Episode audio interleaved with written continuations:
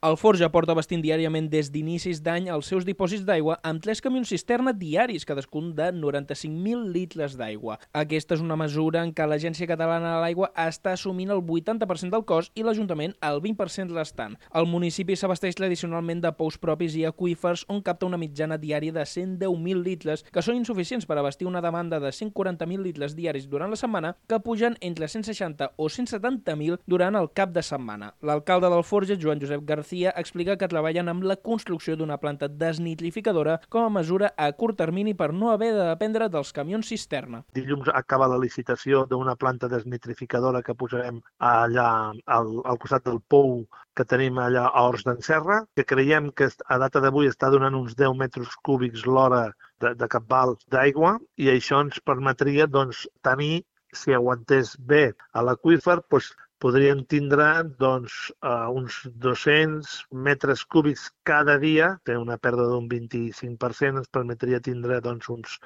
uns 150 o 170 metres cúbics diaris. L'alcalde explica que la planta desnitrificadora podria estar en funcionament en 60 dies, arribant just abans de l'estiu, però que a llarg termini serà necessari accedir a l'aigua del Consorci d'Aigües de Tarragona.